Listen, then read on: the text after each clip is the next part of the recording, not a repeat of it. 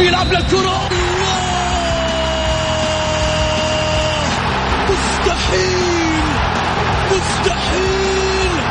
هذا لا يحدث كل يوم. هذه كرة. التسويق جول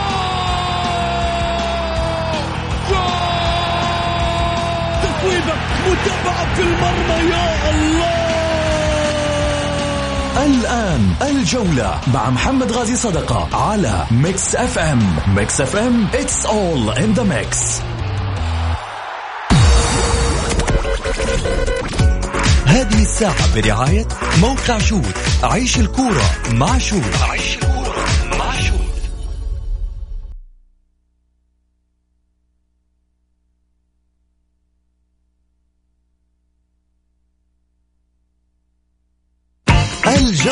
مع محمد غازي صدقة على ميكس اف ام هي كلها في الميكس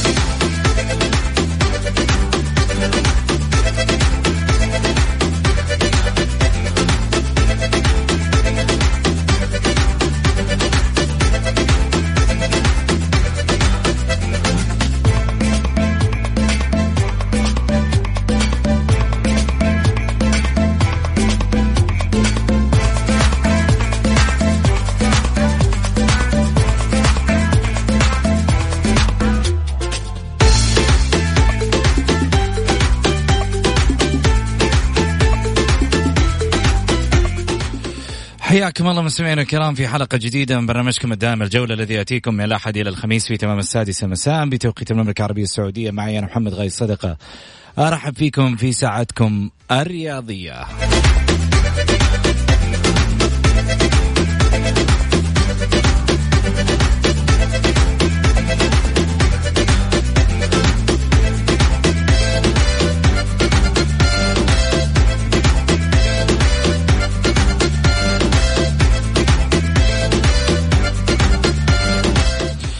من خلال ساعتكم الرياضية بإمكانكم المشاركة عبر واتساب البرنامج صفر خمسة أربعة ثمانية وثمانين أحد سبعمية.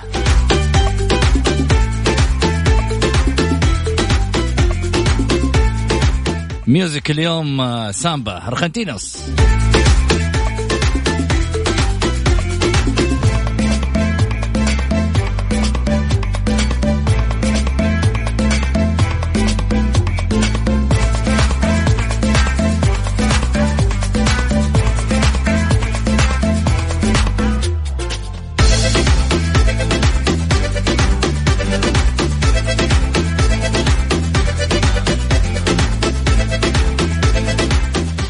خليني طبعا أذكر آه، بالنسبة لأرقام التواصل للبرنامج على واتساب آه، صفر خمسة أربعة ثمانية ثمانية واحد واحد سبعة صفر صفر.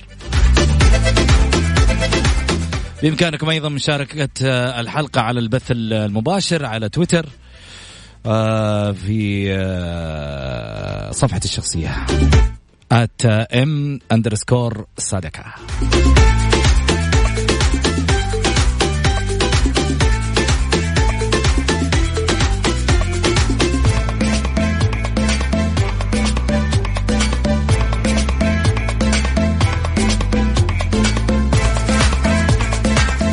نروح على العناوين.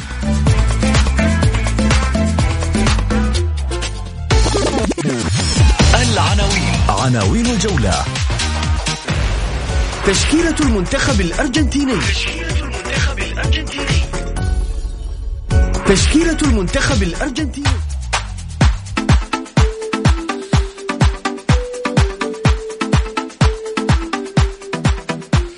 إحنا قلنا ميوزك ارجنتينوس مو كمان تشكيلة المنتخب الأرجنتيني مرة واحدة. نروح العناوين مصادر تكشف عن قرب عودة الأمير فهد بن خالد لرئاسة الأهلي مجددا.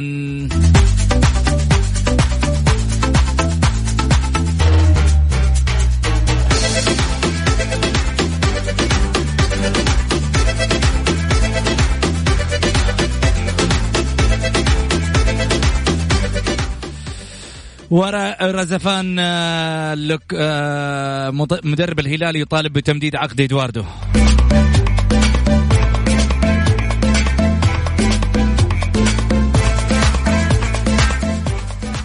وهل يعود سعود السويلم لرئاسة النصر من جديد؟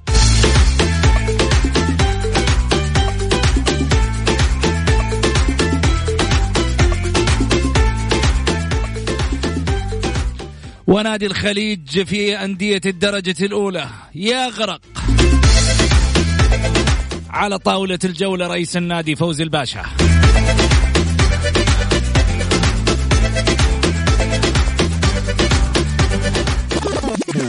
ضيوف الجولة. ضيوف الجولة.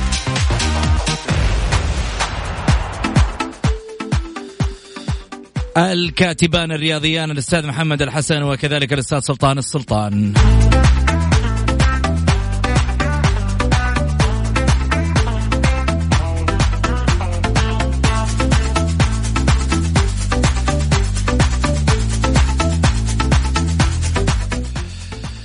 خليني أرحب طبعا على الهاتف الأستاذ سلطان السلطان. هلا وسهلا فيك. حياك الله أبو سعود. حيا الله الزميل الأخ محمد الحسن. والإخوة المستمعين والمستمعات. يا هلا وسهلا. أرحب أيضا بالأستاذ محمد الحسن. هلا وسهلا فيك. يا هلا مرحبا أبو سعود. أمسي عليك وعلى الأستاذ والأخ العزيز سلطان السلطان وعلى جميع مستمعين برنامج الجولة على إذاعة مكس يا هلا وسهلا. طيب آه، أول شيء إحنا مشتاقين لكم على الطاولة. لكم آه، فترة طويلة كذا غايبين عن الطاولة لكن هي ظروف جدولة ليس أقل ولا أكثر. من أميز الأسماء اللي في الحقيقة انضمت لبرنامج الجولة وتواجدهم آه، مهم. خليني أروح على حديثنا الأول بطريقة سريعة. أخبار تقرب الأمير فهد بن خالد لعودته مجددا لرئاسة النادي الأهلي. كشفت مصادر عن إمكانية عودة رئاسة رئاسة الأهلي للأمير السابق الأمير فهد بن خالد. لرئاسة النادي مجددا وأوضحت المصادر أن العديد من الشخصيات البارزة تبذل محاولات جدية لإعادته في ظل تمتعها بخبرة طويلة مع الفريق وتدرجه وأيضا في العديد من المناصب حتى تم تكليفه برئاسة الفريق في موسم 2017 حصول الفريق في ظل وجوده على عدة بطولات منها كأس الملك وكأس ولي العهد ووصافة الدوري. من جهة أخرى فمن المقرر أن يجتمع المشرف العام الأمير منصور بن مشعل مع المدرب جروس بعد عودة الفريق من معسكر أبو ظبي لمناقشة الأوضاع كافة وتوفير متطلبات المدرب خلال الفترة الشتوية. السؤال اللي يطرح نفسه. آه سلطان تتوقع عودة الأمير فهد بن خالد لرئاسة النادي الأهلي مجددا أم ترى بأنها صعبة في ظل أن قيادة الأمير منصور بن مشعل لدفة الفريق الأهلاوي لا تعطي الحافز لعودته مجددا في آه، كيان الأهلي آه، نعم بالعكس أنا أتوقع عودة الأمير فهد بن خالد إلى سدة رئاسة نادي الأهلي، الأمير خالد أو فهد بن خالد شخصية رياضية معروفة عاد للأهلي توهجه خاصة في في آه، على منصات التتويج. أنا أتوقع عودة الأمير فهد بن خالد وبوجود الأمير آه، منصور بن مشعل راح يخلق هناك توازن في العمل الإداري بين الشخصيتين. الأمير فهد بن خالد ليس بغريب على النادي الأهلي فمثل ما ذكرتم بداية الحلقة تقلد عدة مناصب في النادي الأهلي كذلك آه، أعتقد إنه في عمل في في أو مشرف على النادي كان مشرف على النادي الأهلي تقريبا ما بين عام 14 وعام 2015 تقريبا آه، حصول النادي الأهلي على عدة آه، آه، كؤوس أو عدة بطولات. تقريبا في عهد الأمير فهد بن خالد توج تقريبا بحوالي ست بطولات تقريبا. ثلاث منها على ما أعتقد كانت بطولة كأس خادم الحرم الشريفين.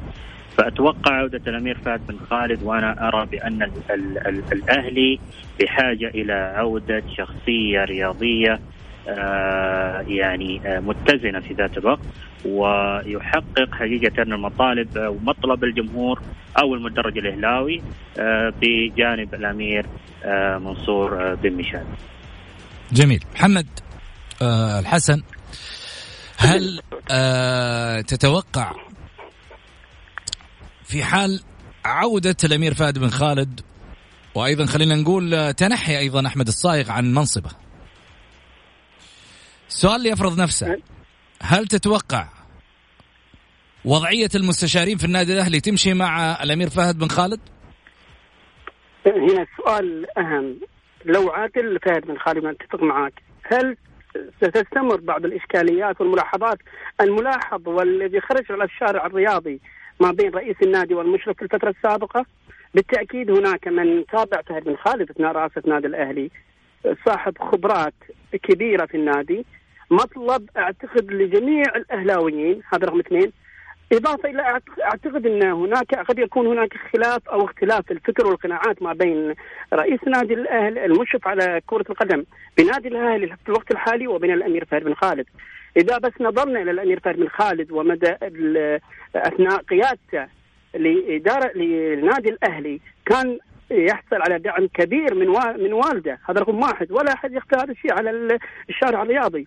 رقم اثنين آه خلال فقط أعتقد ثلاث سنوات من 2010 إلى 2014 حقق الأمير فهد بن خالد ثلاث بطولات كأسين الملك وكأس ولي العهد يعني في عهد الأمير فهد بن خالد تحققت إنجازات كبيرة للنادي الأهلي، وهذا دلالة واضحة بأن العمل الإداري وفكر هذا الرجل في نادي الأهلي طلع بنتاج كبير جدا جدا.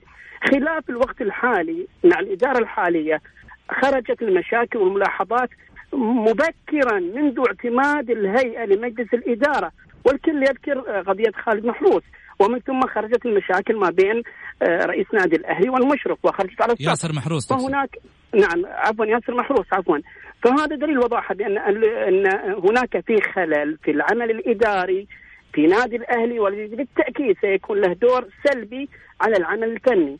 أنا أتوقع أن عودة فهد بن خالد هي مطلب لجميع الأهلاويين وبالتأكيد لو عاد هذا الرجل أتوقع لابد أن يتنحى المشرف العام لأن المشاكل الحالية لم تخرج على السطح من هو المتسبب فيها هل هو رئيس النادي أو المشرف.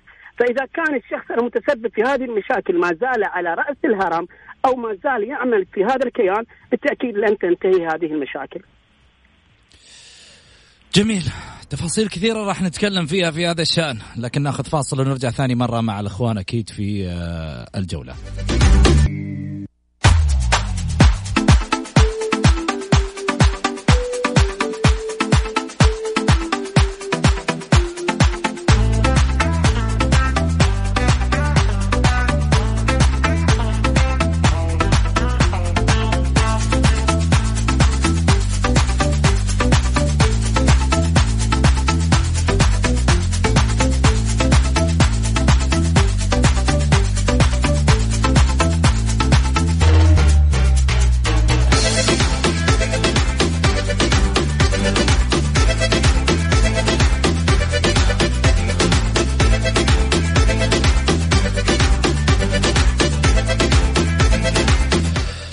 حياكم الله مستمعينا الكرام رجعنا من جديد بعد الفاصل طبعا للتذكير للمشاركة بالبرنامج على واتساب صفر خمسة أربعة ثمانية وثمانين أحداعش سبعمية. خليني أرحب من جديد بالأستاذ سلطان السلطان وكذلك الأستاذ محمد الحسن. على الهاتف هلا وسهلا فيك سلطان. حياك الله أبو سعود مرحبا يا هلا وسهلا فيك حسن. يا هلا مرحبا حياك محمد. سعود. محمد والحسن بعد مكمل لا تشيل الله يسعدك يا رب. طيب نروح أكيد في حديثنا عن النادي الأهلي وعودة الأمير فهد بن خالد التي ربما يعني حتى الآن في شكوك في حول عودة فهد بن خالد لرئاسة الأهلي. أم استمرارية الصايغ على ما يبدو بأن الأمر بات واضحا للجماهير بأن صاحب القرار في النادي الأهلي هو الأمير منصور بن مشعل وأن أحمد الصايغ يعني خليني أقول تواجد شكلي وليس مضموني. خليني أسأل عن يعني ماذا لو تمسك الصايغ بحقه القانوني في رئاسة النادي الأهلي؟ في هذا الشأن كيف راح تشوف الأمر سلطان؟ بالنسبة للناحية القانونية طبعا وإن كان الأمر يعني يحتاج إلى رجل قانوني في هذه النقطة ولكن آه كلنا نعلم أن الأستاذ أحمد الصايغ جاء إلى رئاسة النادي الأهلي بالانتخابات ليس من السهولة تنحي الرجل أو المطالبة بتنحي رئيس النادي إذا كان على نظام الانتخابات. هذا نظام دولي لا يستطيع كائن من كان أن يعني آه، إزاحة الرجل عن رئاسة النادي. أحمد الصايغ جاء بعد انتخابات ولا ننسى أنه كان هو المرشح من آه، سمو الأمير منصور آه، مشعل فبالتالي من الصعب إذا لم يكن هناك يعني كما ذكرنا في حلقات سابقة ذكر أبو سعود حينما طالب الأمير منصور بن مشعل باجتماع الجمعية العمومية والمطالبة بتنحي الإدارة في ذلك الوقت. ولكن حتى هذه اللحظة لم آه، يحدث أي شيء جديد في النادي الأهلي آه، على آه، أو في الاجتماعات الجمعية العمومية. فبالتالي من الصعوبة بمكان إزاحة رئيس النادي إذا كان عن طريق انتخابات أما لو كان عن طريق التزكية فهذا الأمر يعني فيه سعة بالإمكان التغيير في أي وقت إن شاء. لكن آه، دعنا نتحدث عن مسألة آه، آه، في حال عودة الأمير فهد بن خالد كما ذكرت سابقا أن حينما يكون هناك التكافل الاجتماعي ما بين الرجلين سمو الأمير فهد بن خالد سمو الأمير منصور بن مشعل وإن كانت هناك خلافات يعني سابقة كما ذكر الأخ محمد الحسن. لكن أنا أتوقع بأنهم سيتفقوا جميعا على خدمة الكيان والابتعاد كثيرا. وهذا من مصلحة الكيان الإهلاوي. يعني كما يعني آه، كنا نعرف سابقا أيام صاحب السمو الملكي الأمير خالد بن عبد الله. وإن وجدت المشاكل إلا أنها تكون دائما في بوتقه يعني مغلقة تماما يعني تكون داخل النادي الأهلي لا تظهر على السطح ولكن بعد خروج هذا الرجل من آه، أو آه، يعني ابتعاد الرجل عن الرياضة بكاملها أصبحت المشاكل النادي الأهلي على السطح ظاهرة حال حال بعض الأندية آه، سواء كان الجار أو غيره من الأندية الأخرى. نعم. محمد خلني أسألك آه، عن عن جانب أيضا مهم بالنسبة لل بالنسبة للنادي الأهلي. لماذا أصبح يعني الأهلي وجبة دسمة للإعلام؟ رقم واحد، رقم اثنين الأهلي آه الآن حتى الجولة العاشرة أو الحادية عشر من مسابقة الدوري وأيضا سبقها الآسيوية وهو حديث طاولة الرياضة مثل ما نقول. من إدارته منه فيه يعني حديث مش من برا مش إشاعات. أشياء موجودة جوة البيت صحيح شو السبب برأيك؟ شوف السبب الرئيسي ما حدث في نادي الأهلي هو من الأساس الخطأ عندما تم الترشح اللي هو رئيس نادي الاهلي والمشرف هو الامير منصور من الاساس يعني سؤال طب هو الامير منصور اللي مرشح احمد الصايغ هو اللي جايبه هو برافو جدا من أبسط الأمور السؤال اللي يطرح نفسه لو كان هناك خلاف أو اختلاف في الفكر في الإدارة كذا ألا يوجد هناك حل توافقي بين الاثنين؟ ألا يوجد شخص كبير؟ بمعنى كل الأندية فيها شخصيات كبيرة تحاول أن تكون لجنة إصلاح في الفكر. ألا يوجد شخص يصلح ما بين الأشخاص في العمل أقصد في العمل الإداري يكون هناك توافق؟ الأمر الثاني لازم نعي بأن الأندية ورئاسة الأندية في النهاية مرجعيتها هي ليس الاتحاد فقط بل الاتحاد هي العامة للرياضة. وأعتقد وجود شخص آه، بمكانة الأمير تركي آه، اجزم تماما بأنه لن يسمح أن يحدث مثل هذه الأمور في نادي كبير مثل نادي الأهلي بالتأكيد أحد الازرعه موجودة في الكرة السعودية مثل الهلال مثل الاتحاد مثل النصر والشباب. لذا اي وجود مثل هذه الأمور في النادي سيكون سبب في إسقاط النادي أو وجوده إلى الأسفل أو ينزل من مستواه، لذا أنا أجزم بأن الهيئة العامة للرياضة يجب كما ذكرته مسبقا إذا وجدت بأن الأمور لا ت... إلى الآن لا يوصل لها حل أو لم تكن هناك حلول في إدارة نادي الأهلي يجب تدخل الهيئة العامة للرياضة. ولن يكون التدخل بشكل ودي ليس بشكل آه، رسمي. أعتقد هناك علاقات آه، أكيد ما بين المعنيين في الهيئه العامه للرياضه وبين من يدير النادي الأهلي.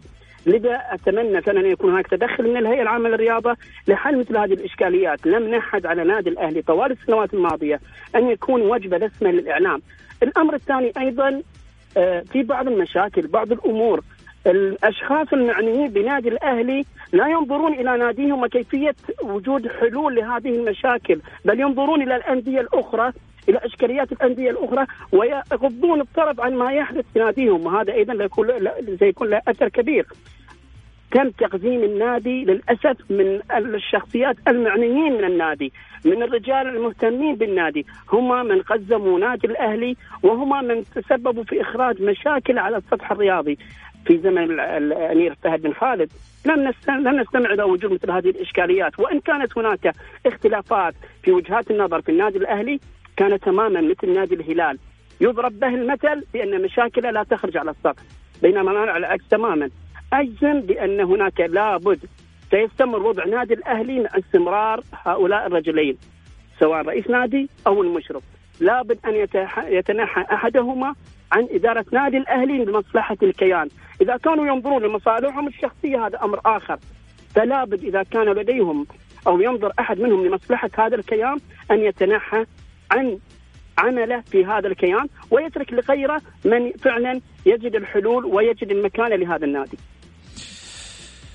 يعني أنا ما أقول غير لجمهور النادي الأهلي كان الله في عونكم وعون محبكم أو عشقكم النادي الأهلي على ما يحدث داخل البيت الأهلاوي يعني من أمور ربما واضحة على السطح واللي الكل آه، يعني لا يتمنى أن يحدث هذا الأمر لكيان مثل النادي الأهلي.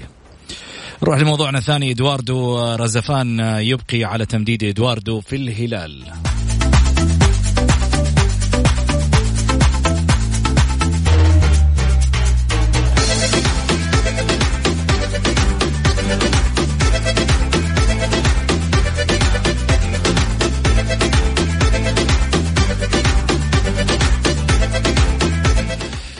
طلب مدرب فريق الهلال الأول لكرة القدم الروماني رزفان لوتشيسكو تمديد عقد لاعب وسط الفريق البرازيلي كارلوس إدواردو عبر تقرير فني عرضه على إدارة النادي.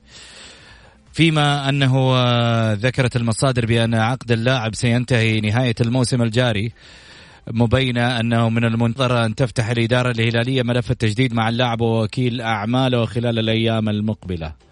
كانت إدارة الهلال رفضت الصيف الماضي عروضا لكسب خدمات اللاعب وقررت إكمال عقده مع النادي. إشار إلى أن إدواردو قدم أداء متميزا في بطولة دوري كأس الأمير محمد بن سلمان للمحترفين. هذا الموسم وتصدر ترتيب الهدافين برصيد ثمان أهداف. السؤال هنا اللي يطرح نفسه محمد. إدواردو في حال لم يبقى في الهلال هل ترى أنه سيبقى في الدوري السعودي أم سيغادر؟ أنا أجزم بأن إدواردو مطلب لجميع الأندية، ليس الأندية ذات اللي تقع في متوسط الدوري أو وسط الدوري، بل حتى الأندية الجماهيرية، لاعب كادواردو وأن قل مستواه من بعد إصابته في سنة 2017 بالرباط الصليبي، إلا أنه لاعب مؤثر له مهاراته يصنع أهداف آه، أصبح جزء لا يتجزأ من كيان نادي الهلال، كم سنة وهو يخدم نادي الهلال؟ هذا رقم واحد. أنا أستبعد أن يكون آه، يعني أن أن أن أجد إدواردو في أي نادي آخر ولكن لو تم هذا الأمر وأنا أثق تماما في الإدارة الواعية في إدارة نادي الهلال. أنا أتمنى قبل أن تنظر في التجديد مع هذا اللاعب أو التعاقد مع هذا اللاعب أو فسخ عقده أو اقاله اللاعب أن تنظر إلى تنتظر إلى هل تعرف في مستقبلا. هل سيستمر الوضع على سبعه لاعبين أو سيكون هناك قرار آخر بتقليل عدد اللاعبين الأجانب؟ لأن هذا يلعب دور كبير جدا في اتخاذ مثل هذا القرار. خاصة إذا جزمنا وعرفنا أن في نادي الهلال لاعبين هناك أكثر آه، أداء فني من ادواردو بكل أمانة. على سبيل المثال جوميز جوفينكو كاريليو اللاعب الدفاع الكوري. هناك لاعبين مؤثرين في نادي الهلال ولكن لنفترض جدلا ان خلال الأيام القادمة آه، مع الموسم القادم صدر قرار هناك بتقليل عدد اللاعبين الأجانب مثلا إلى خمسة كما يشاع أو يقال أو تقليل العدد إلى كما كسابق كما كاربعه محترفين هنا لابد يكون تقليل العدد. هل إدواردو سيكون من آه، اهتمامات المدرب وإدارة نادي الهلال؟ هنا سيكون سيتوضح الأمر والصورة أكثر وأكثر. ولكن على الصعيد الشخصي لابد أن تتأكد إدارة نادي الهلال مستقبلا ماذا سيحدث في اللاعبين الأجانب، هل سيتم التغليب أو سيستمر العدد على ما هو عليه؟ إذا كان مستمر العدد على ما هو عليه. ستة إلى سبعة لاعبين. أعتقد استمرار إدواردو ضرورة جدا جدا جدا. حتى لو كان مستوى أقل من اللاعبين الآخرين. ولكن كسبعة لاعبين سيكون مؤدي أو مكمل للبقية اللاعبين. ولكن لو قل العدد بالتأكيد سيتم النظر إلى هو من أكثر كفاءة وعطاء من إدواردو. أتمنى فعلا أن عدم الاستعجال من إدارة نادي الهلال في مثل هذا القرار ويكون قرار مدروس جدا جدا في حال التعاقد أو عدم التعاقد معه. جميل. محمد يقولون عندك مصادر إنه في نادي من من جدة مدور عليه. الله الله. الكلام يقال وأنا آه لا أذهب كثير مع هذا الحديث لأن آه كما ذكرت مسبقا أثق تماما أثق تماما في الاداره في إدارة نادي الهلال الواعية التي فعلا آه لا آه، لا تحدد أن أن تفقد مكتسبات النادي سواء ماديا أو معنويا أو فنيا من اللاعبين. فإدارة استطاعت أن تحقق الأسيوية بجهد وعمل إداري والذهاب إلى العالمية بالتأكيد مثل هذه الأمور أعتقد بسيطة جدا جدا في اتخاذ القرار المناسب لها إدارة واعية برئاسة بن ناصر ومن خلف الوليد بن طلالة جميل. آه سلطان في مصادر عندك يقولون ها؟ آه، أنا أنا لا لا أنا. طيب. يا ليت. العموم. بالنسبة للاعب كارلوس إدواردو أنا ارى بانه من أفضل لعلي أختلف قليلا مع الأخ محمد الحسن ارى بانه من أفضل المحترفين في نادي في نادي الهلال. هذا اللاعب حقيقة هو النجم الذي أبني عليه بقية المحترفين الأجانب في نادي الهلال. سواء بقي العدد على ما هو عليه في عدد المحترفين الأجانب في الدوري أو تم تقليص عدد اللاعبين إلى أربعة وإلى خمسة. أنا من من رؤيتي الشخصية ارى بان هذا اللاعب هو نجم الفريق من المحترفين الأول الذي أبني عليه الفريق تماما. هذا اللاعب يعني حقيقة أنا آه، ارى بانه هناك أعين كثيرة على هذا اللاعب يعني حينما كان في قبل أو في الانتقالات الصيفية السابقة يعني كانت هناك أندية محلية تطلب ود هذا اللاعب رغم أنه الهلال لم يشركوا في في بطولة آسيا. وهذا ما كان أنا من ناحيتي كنت أرى أنه مسار دهشة بالنسبة لي لماذا لم يشرك يشرك هذا اللاعب في بطولة آسيا؟ كارلوس إدواردو مطلب لكل الأندية سواء كان محليه أو حتى خارجيه لاعب حقيقة آه، يجيد الربط التام بين خط الوسط والهجوم في نادي الهلال. لاعب يصنع ولاعب كذلك يسجل أهداف من أنصاف الفرص جميل. حديثنا يطول ولكن بعد الفاصل.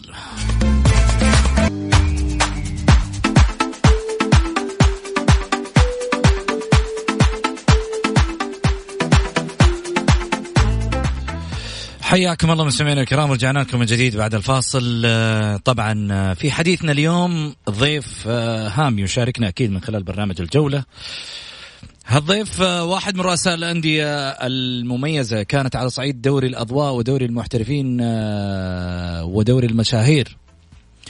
ولكن آه، لم يصمد كثيرا ربما لظروف حلت بالفريق من بعثرات مالية. حلت بالفريق وفي النهاية عصفت بالفريق للوصول لمصافي أندية الدرجة الأولى مش عيب انه الواحد يرجع لورا عشان يطلع لقدام بس المشكلة وين؟ المشكلة إنه هذه الأندية يعني صار آه، اتحاد كرة القدم والزمن عليها أندية الدرجة الأولى المنسية أندية الدرجة الثانية المنسية الدرجة الثالثة طبعا آه، في لستة النسيان. game over لأنه إذا كانت الدرجة الأولى بيصير فيها هذه هذه الأشياء كلها. هذا ثاني رئيس نادي اليوم يطلع معانا. بعد ما طلع معانا رئيس نادي آه، نجران أستاذ آه، يحيى المسلم اللي تحدث في الحقيقة بكل شفافية عن ما يحدث في ناديه وما يجري والوعود التي لم يعني يوفي بها الشخصيات المسؤولة عن آه، اتحاد القدم أو كذلك ربما يعني التأخيرات المالية التي ربما تدفع الأندية هذه للعودة من جديد. معي رئيس نادي الخليج الأستاذ فوزي الباشا. رئيس نادي الخليج أهلا وسهلا فيك. مساء الخير أستاذ محمد وشكرا على الاستضافة. اولا آه، نتشرف فيك وهذا برنامجك. ثاني شيء نشكرك أنك أنت أيضا تختار هذا المنبر ليكون صوت لك يصل لكافة محبي الرياضة وعشاق الرياضة وأيضا كذلك المسؤول المتابع للرياضة في كل مكان. خليني أسألك أستاذ فوزي ما يحدث لنادي الخليج؟ هل هي وليدة اللحظة أم هناك متراكمات ليبقى في أندية الدرجة الأولى؟ هذا النادي الذي كان يصارع الكبار في أندية الدرجة الممتازة أصبح الآن يصارع نفسه من أجل البقاء في في آه، مصاف أندية الدرجة آه، الأولى اولا آه، شكرا على إتاحة الفرصة وثانيا أود أن أنتهز هذه المناسبة لاهني مولاي خادم الحرمين الشريفين مناسبة ذكرى البيعة الخامسة وإن كان الوقت متأخر نوعا ما ولكن أتمنى له الصحه وطول العمر بحول الله وأيضا لوطني العزيز كل رفعة وتقدم في كل الصعد. آمين. بالنسبة للسؤال عن نادي الخليج للأمانة أيضا الحديث ذو شجون ويطول، إذا كنا نتكلم عن كرة القدم نعم هناك تراجع كبير في آه، مستوى الفريق هذا الموسم. ولكن على صعيد الالعاب المختلفة آه، الخليج يحقق يعني آه، نتائج جيدة على كل الصعد. بالنسبة للأسباب أنا أعتقد إنها مجموعة أسباب وأسباب متراكمة. أغلبها في المقام الأول هي أسباب مالية أسباب فنية أيضا. إذا أردنا التفصيل في هذا الموضوع إنه الخليج بدأ الموسم هذا الموسم بلاعب واحد فقط مسجل وهو خالد الحامضي. آه ضائقة مالية مر بها الخليج لم نستطع من خلالها الحفاظ على نجوم الخليج. وأنا مستعد إني اسمي بعض الأسماء اللي كانت لها صولات وجولات والآن هي آه الآن علي لاجامي على سبيل المثال وقاسم لاجامي انتقل إلى نادي الفتح. الناشي انتقل إلى الحزم. عندنا حسين الشيخ ومحمد المطوع انتقلوا إلى نادي أحد. عندنا بريس آه، لاعب الاتفاق اللي ذهب بالإعارة أيضا آه، إلى نادي الاتفاق والجيت. إصابة الشعلة. كلها أسباب أنا أعتقد يعني آه، تخل توازن أي فريق. فبالتالي واجهنا صعوبة كبيرة. أيضا الأمور المالية والضائقة المالية لا يمكن أحد أن ينكرها اللي تمر فيها كل أندية الدرجة الأولى وليس نادي الخليج فقط ولكن تاثير تأثيرها على نادي الخليج كان كبير جدا. نعم. خليني أسألك قديش تكلفكم رحلاتكم وروحاتكم وجياتكم؟ أنت مقتدر على هذه الإمكانيات ولا تجد بأنك تجد صعوبة في الفترة الماضية؟ والله للأمانة إحنا نتكلم بشفافية ووضوح، أعتقد إنه آه، أندية الدرجة الأولى وللأمانة إحنا اجتمعنا قبل شهرين تقريبا بدعوة من آه، أخوي لطفي الدوسري رئيس نادي النهضة في مدينة الخبر. وكان الاجتماع يضم 13 نادي بالإضافة إلى انه ايد آه، النتائج خمسة أندية. نتكلم على 18 نادي من أندية الدرجة الأولى. مجتمعة تماما على أن هناك حاجة ماسة إلى تعديل مقدار الدعم المباشر. أعتقد أنه ما كان مناسب رغم أنه خطوة إيجابية تسجل إلى الهيئة العامة للرياضة هي مسألة استراتيجية دعم الأندية. ولكن أعتقد أنها غفلت أو نسيت جانب مهم جدا وهي مقدار الدعم المباشر المخصص لأندية الدرجة الأولى والبالغ 4 مليون. هذا المبلغ لا يكفي اطلاقا لتسيير شؤون أي فريق في دوري الدرجة الأولى فما بالك بأن هذا المبلغ مخصص لتسيير أمور الأندية. آه، من مخرجات الاجتماع وأنا أتكلم فيها لأنه آه، تم تسميتي في المرة الماضية متحدث رسمي باسم المجموعة إنه تعديل مقدار الدعم المباشر إلى 10 مليون صرف إعانة الاحتراف والنقل التلفزيوني أن تكون هناك أيضا ميزانية للفئات السنية آه، دعم خاص للأندية التي هبطت لأنه لها التزامات وعقود مبرمة وأعتقد إنه لابد أن يكون لها special consideration هذه أندية يجب أن يتم وضعها في الاعتبار. أيضا كنا نطالب بأن تستفيد أندية الدرجة الأولى من نظام الحك الحوكمة والدعم الجماهيري. كلها هذه مطالب. أنا أعتقد إنها لم تصل إلى سمو الأمير عبد العزيز بن تركي لأنه آه للأمانة هذا الرجل رائع بكل ما تحمل الكلمة من معنى ومستمع جيد تماما ويحاول قدر المستطاع أن يقف آه، بإنصاف مع كل امم تفضل. وليش ما وصلت؟ أنا أعتقد إنها ما وصلت لأن لا أعرف تماما ليش ما وصلت ولكن أعتقد إنه استجابة سمو الأمير واضحة وشخصيا على تواصل معه في كثير من الأمور. واستجابته فورية ومباشرة ويحاول قدر المستطاع أن يحل كل الأمور العالقة. أعتقد أن هناك معوقات. لا أعرف أين يعني تكمن المشكلة تحديدا ولكن أيضا أود أن أشيد بتجاوب الإخوان مسلي آه، في رابطة دوري المحترفين وأيضا الأستاذ ياسر ولكن آه، أعتقد أن المشكلة ما زالت عالقة. ربما آه، الأمور الآن خرجت عن اصدار سيطرة الهيئة عفوا الرابطة واتحاد القدم لأن الأمور من الواضح الآن إن اللي يسيرها بشكل مباشر هي الهيئة العامة للرياضة، فبالتالي أعتقد إنه دوري الأمير محمد بن سلمان دوري الدرجة الأولى دوري مهم ويجب أن يكون هناك التفاتة حقيقية لهذا الدوري. كم لاعب أجنبي عندك أستاذ فوزي؟ عندنا أربع لاعبين أجانب حتى الآن موجودين. كم أقل واحد آه، يعني خلينا نقول التوتل حق التعاقد معه؟ آه، هو يتفاوت بين لاعب وآخر. خلينا نقول أقل واحد. أقل واحد لا يقل عن آه، خلينا نقول 400 ألف ريال. 400 ألف ريال. نعم. هذا التوتالي ولا بس مقدم العقد وتفاصيل أخرى؟ هذا أقل هذا أقل واحد يعني. أنا أتكلم إذا كنت تتكلم على لاعب مميز وإضافة يصل إلى إلى 800 ألف ريال. يعني يعني كمل المليون. بكل تأكيد. طيب. إذا لاعب عندك أربع لعيبة يعني لو جبت كل لاعب مليون خلصت الأربع مليون اللي جاتك من الدعم. هذا صحيح. من وين تصرف؟ لذلك أنا ذكرت في أكثر من مناسبة إنه الدعم المباشر آه، المقدم للأندية من ضمن استراتيجية دعم الأندية هي خطوة جميلة ولكن أغفلت جانب مهم وهي المصروفات اللي انتهت عليها أندية الدرجة الأولى الموسم الماضي ولا يمكن أن تقل بأي حال من الأحوال عن 10 مليون.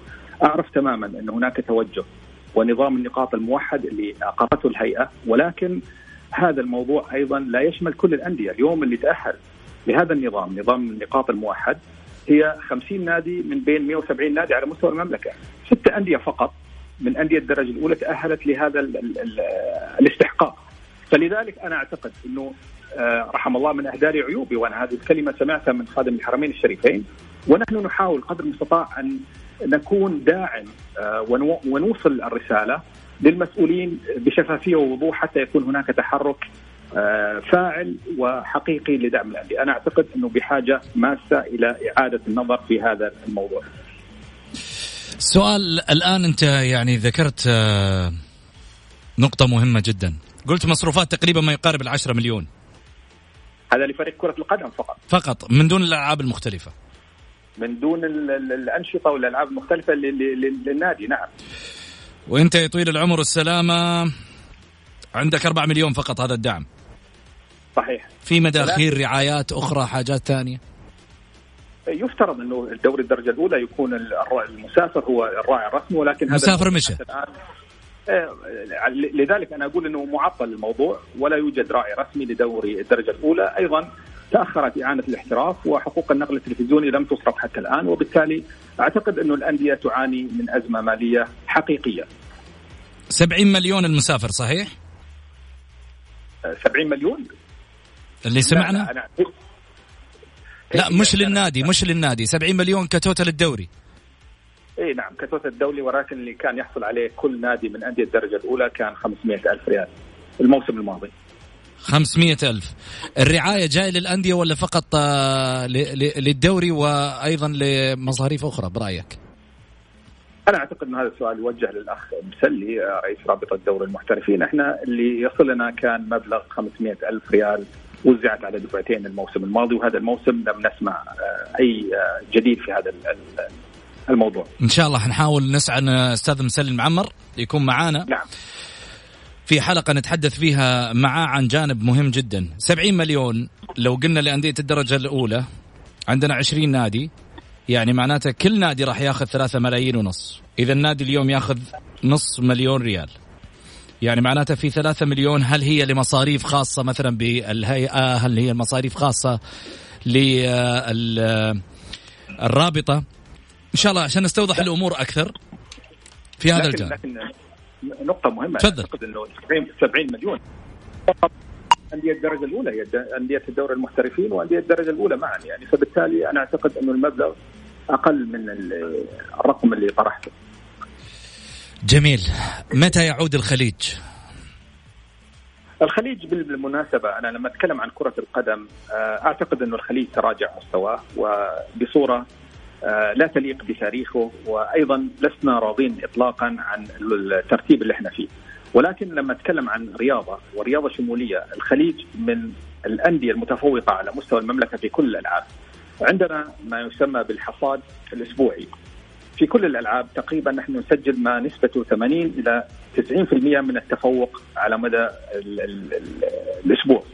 فبالتالي آه، بكل تأكيد كرة القدم هي الواجهة الحقيقية ونحن ما نسعى إلى أن نعود من خلاله إلى الواجهة وبحول الله نعود وهذا يحتاج إلى عمل أكبر يحتاج إلى دعم من قبل الجميع. ولكن آه نحن دائما متفائلين. تقريبا الموسم الماضي كنا في نفس الترتيب ونفس الوضع. ولكن بحول الله وبتكاتف وعمل الجميع سيعود الخليج. سؤالين أخيرة ولو تسمح لي أخذها منك رقميا، هل آه في رقم معين للمديونيات الآن على نادي الخليج؟ آه نعم مديونات نادي الخليج أنا أعتقد تصل إلى إلى 8 مليون أو 9 مليون 9 مليون ريال نعم وأغلبها تخص آه، لاعبي فريق كرة القدم وللأمانة هذا ليس من باب إذاعة السر ولكني أود أن أقدم جزيل الشكر والتقدير لجميع منسوبي آه، الفريق الأول لكرة القدم سواء لاعبين ومدربين وإداريين لأنهم آه، قبلوا بأن تتأخر رواتبهم لمدة خمسة أشهر تقريبا حتى الآن إحنا لم نسدد رواتب وهذا شيء آه، مزعج بالنسبة لنا وأعتقد إنه يحتاج بكل تأكيد إلى عمل كبير من قبل إدارة النادي أو المعنيين لحل هذه المعضلة. آه، أعضاء الشرف مش واقفين معك؟ اليوم أعضاء الشرف بالمناسبة لكل الأندية ما أعتقد إنه هذا الشيء يعني نعول عليه كثير لأنه آه، توجه مختلف آه، هناك العضوية الذهبية هناك العضو العادي ولكن أعضاء الشرف أنا أعتقد أن أسجل أيضا بكل تقدير ومحبة موقف عدد من أعضاء الشرف اللي أذكر منهم الأستاذ والشيخ عبد الله السيهاتي السالم أيضا المطرود لا يتوقف دعمه. فبالتالي هم موجودين ولكن لا يكفي اليد الواحدة لا تصفق أنا أقول. صحيح. الاستاذ فوزي الباشا رئيس نادي الخليج شكرا لك. أشكرك وأتمنى إن شاء الله اني اكون أضفت شيء ومني ما أزعجت أحد ولكن للأمانة أتمنى أن يتصل رسالتنا إلى سمو الامير عبد العزيز بن تركي لاني أعرف إنه هو رجل موقف واعرف متى ما استمع لهذه الرسالة سيكون هناك تحرك لحل آه، معضلة كبيرة تعاني منها جميع الأندية، بالمناسبة أنا ذكرت جزئية معينة آه، في كثير من المواقف أتحاشى أني أذكر بأني آه، أتحدث باسم الأندية ولكن هذه المرة لدي توكيل ولدي آه، خلينا نقول بيرميشن من الإخوان في آه، أندية الدرجة الأولى أني أتحدث وأذكر آه، مطالبهم إلى إلى المسؤولين. أنا صراحة يعني أتمنى من صاحب السمو الملكي الأمير عبد العزيز بن تركي أن ينظر في حال هذه الأندية اللي في الحقيقة الآن يعني تناضل من أجل البقاء في دوري أندية الدرجة الأولى. مصاريف عالية جدا. واحد يقول لك 9 مليون ريال عندي. مديونيات خمسة أشهر لم تسدد رواتب المنسوبين للنادي. وهذه رسالة لصاحب السمو الملكي الأمير عبد العزيز بن تركي رئيس الهيئة العامة للرياضة. يا سمو الأمير يعني هذول الناس عندهم ارتباطات وعندهم بيوت وعندهم أهالي وعندهم آه، أبناء وعندهم أشياء كثيرة. وبالتالي يعني يتكبدوا هذا الحمل. يعني الواحد آه، يمشي اليوم يقول يلا يا كريم آه، سترك ولطفك. فلما تثقل عليهم كمان يعني أنا من باب إنه أنا أكون في الرياضة أتحمل على عاتقي الشيء الكبير. كان الله في العون. نقول إن شاء الله بإذن الله أن يعني أمورهم تصل لحل. أطلع فاصل وأرجع ثاني مرة معاكم في حديثي.